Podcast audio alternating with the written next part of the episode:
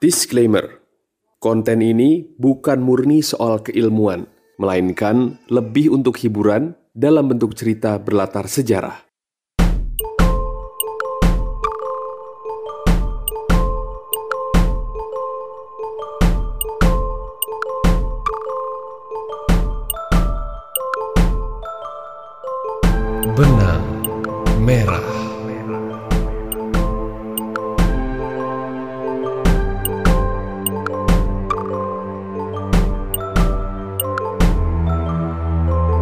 Episode 15 Jalan yang terbuka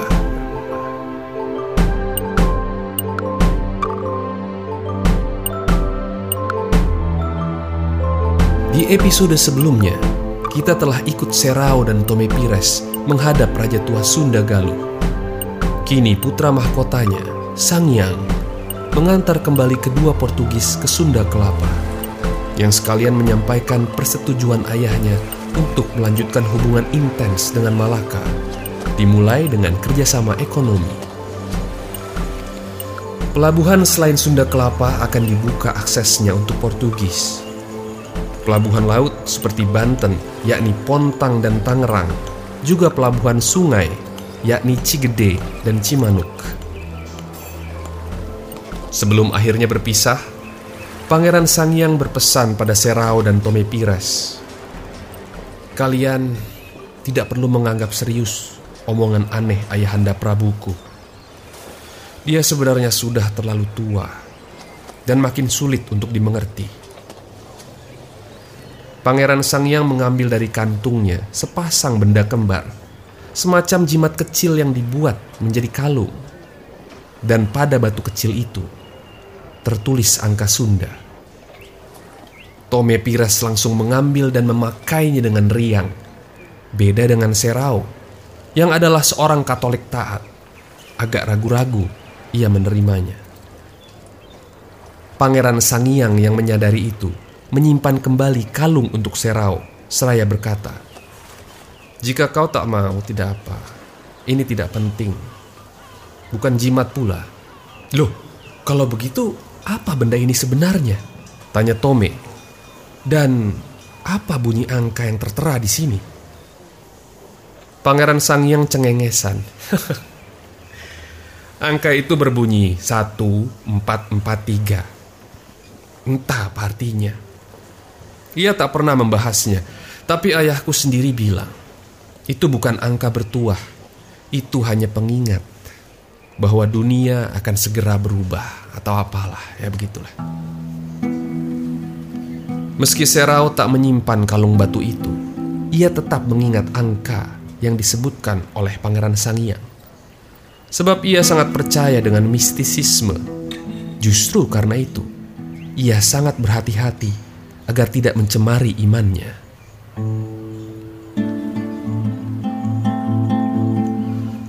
Kini mereka telah berpisah dengan Pangeran Sangyang dan di dok telah menunggu empat kapal bagi mereka. Pemandangan itu terasa punya bobot tersendiri bagi Serao, terutama setelah tahu dari Tome kalau keempat kapal tersebut yang akan mengantar mereka ke Maluku.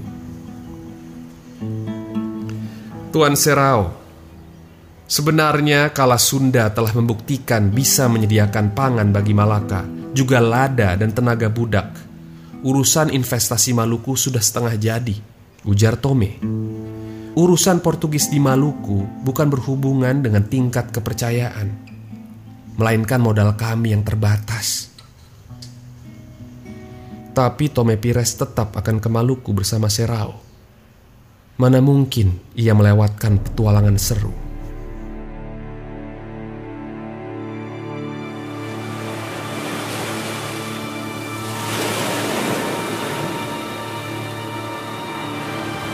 Dalam persinggahannya, Tome Pires mendokumentasikan kisah-kisah Maluku dan sekitarnya. Pemandangan hebat seiring meningkatnya intensitas aktivitas perniagaan mereka di kepulauan tersebut.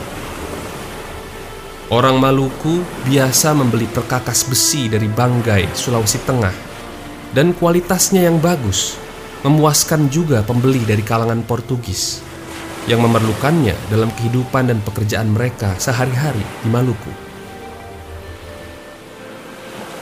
Mereka juga terkesima dengan keajaiban burung kakatua dan banyak demand terhadap kakatua warna-warni dari Morotai dan kakatua putih dari Seram. Pulau-pulau di Maluku juga memiliki sumber emas yang pada gilirannya bisa diperoleh Portugis saat menjual produk-produk mereka ke penduduk lokal. Tidak semua dagangan Portugis berasal dari kampung halaman. Justru yang lebih besar pasarnya adalah tekstil dari koloni mereka di India. Portugis menjelajah jauh sampai ke timur, di mana mereka menemukan sumber melimpah kayu ajaib bernama cendana. Di samping produk-produk menarik lain yang ditawarkan penduduk lokal, seperti madu dan lilin. Keadaan sosial dan budaya di timur juga menarik bagi Portugis untuk memulai pemukiman di sana. Di tahun 1515, dimulai pula hubungan dagang dengan Nusa Tenggara Timur, yakni Solor dan Flores. Kedua tempat yang juga sangat baik bagi kapal untuk berlabuh saat harus menunggu lewatnya badai. Kapal dan perahu Portugis besar, kecil, berlalu lalang tanpa hambatan berarti di Maluku. Seolah-olah pertikaian antar Ternate dan Tidore tak pernah ada. Al-Mansur pun tak menolak menjual rempahnya pada mereka. Tommy Pires bahkan mengunjungi Bacan dengan aman dan tentram.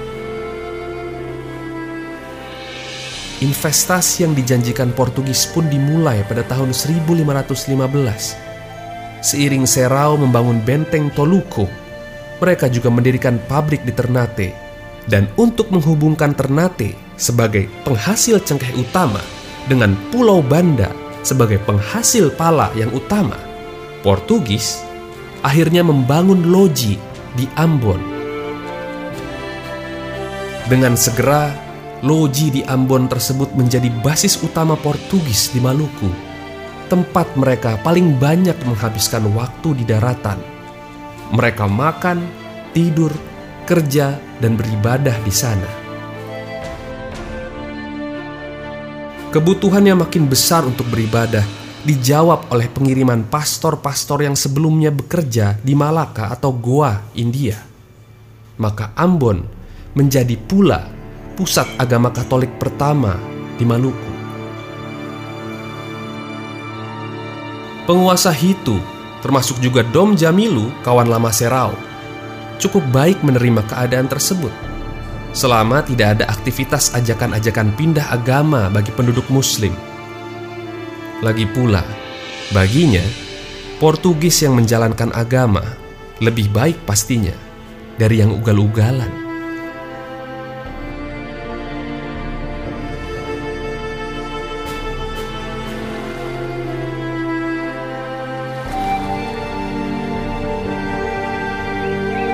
Kini rasanya cita-cita Bayan Sirullah sudah makin dekat dengan kenyataan.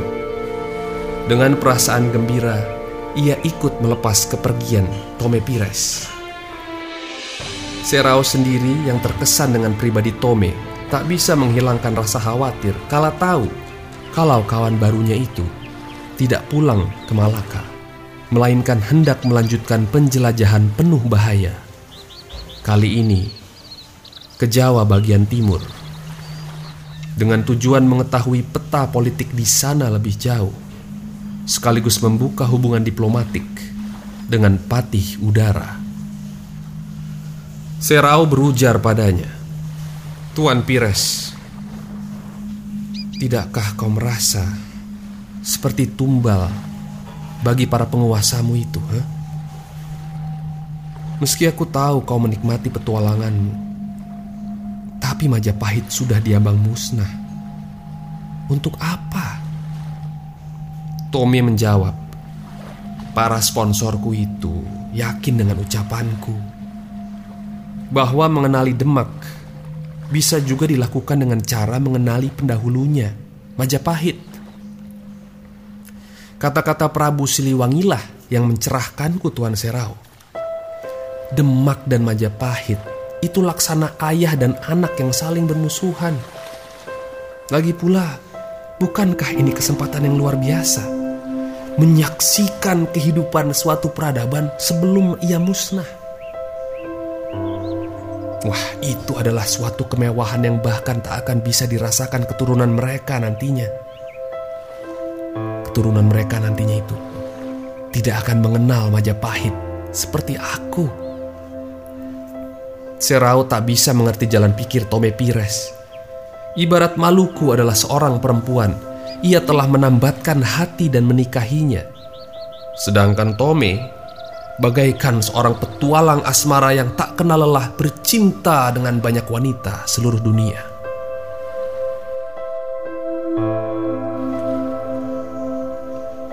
Kapal yang menjemputnya tiba, tapi semua orang yang menumpanginya serupa tukang tandu jenazah pakaian serba hitam. Bendera dinaikkan setengah tiang. Ternyata kapal yang ditugaskan mengantar Tome Pires menuju Jawa juga membawa kabar penting, yakni tentang kematian Alfonso d'Albuquerque, penguasa Goa, India, penakluk Malaka, sang penebar teror di Samudra Hindia. Serao merasakan firasat tidak enak, menyaksikan bagaimana kapal yang menjemput Tome membawa kabar duka sebesar itu.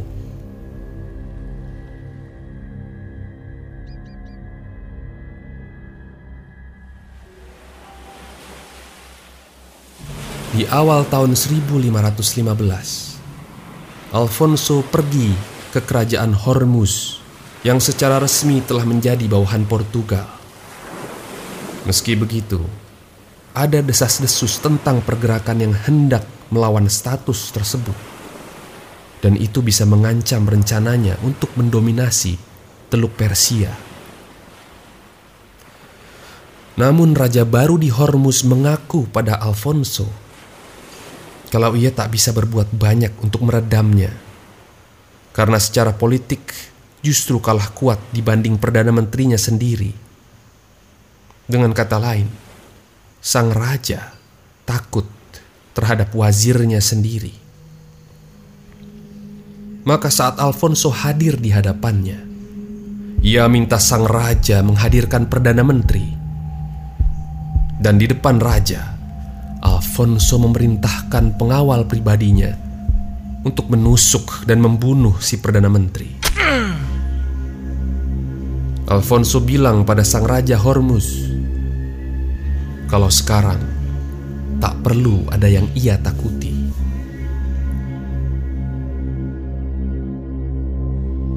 Untuk beberapa saat, bahkan Alfonso tinggal di Hormuz dan mengontrolnya dengan tangannya sendiri, memastikan agar Teluk Persia tersegel oleh kekuasaan Portugis. Saat itulah penyakit keras mulai menggerogotinya. dengan keadaan sakit. Ia memaksa berlayar pulang ke Goa India karena mendengar kalau Raja Manuel hendak mengganti posisinya sebagai gubernur dengan saingan politik Alfonso. Alfonso sudah tahu bahwa beberapa orang kuat di Portugal tak menyukainya dan suka memanas-manasi Raja Manuel agar cemburu atas kesuksesannya di Samudra Hindia Bahkan cerita aneh bahwa Alfonso ingin bikin negara sendiri di India. Dengan keadaan sakit badan juga sakit hati, ia menuliskan surat pada jubah kebesarannya yang ditujukan untuk Manuel. Bertanya, apa salahnya pada Tuhan dan Sang Raja sampai-sampai ia diperlakukan seperti ini. Dalam surat di jubah itu, ia juga memohon pada Manuel agar kelak putra kandungnya mendapat jaminan warisan dari hasil jerih payahnya selama ini.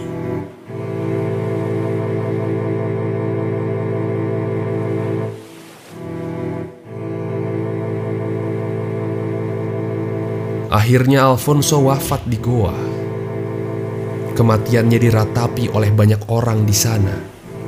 Jenazahnya didudukkan pada kursi kebesaran dan para kapten utama menopang lalu mengaraknya tengah kota. Diiringi nyala obor dan orang-orang yang memujanya, termasuk pribumi Hindu. Sesuai dengan keinginan Alfonso, jenazahnya dikubur di gereja Nosa Senora da Serra yang ia bangun sebagai rasa syukur bagi Bunda Maria yang pernah menyelamatkannya dari bahaya. Tapi sayangnya, tak bisa menyelamatkannya dari penyakit, juga fitnah.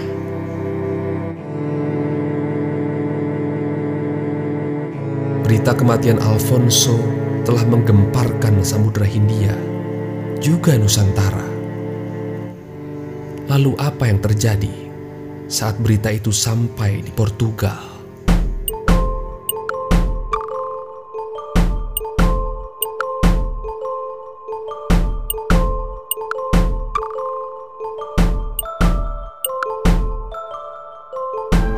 Nantikan kisah selanjutnya hanya di Benang Merah yang berjudul Mohon.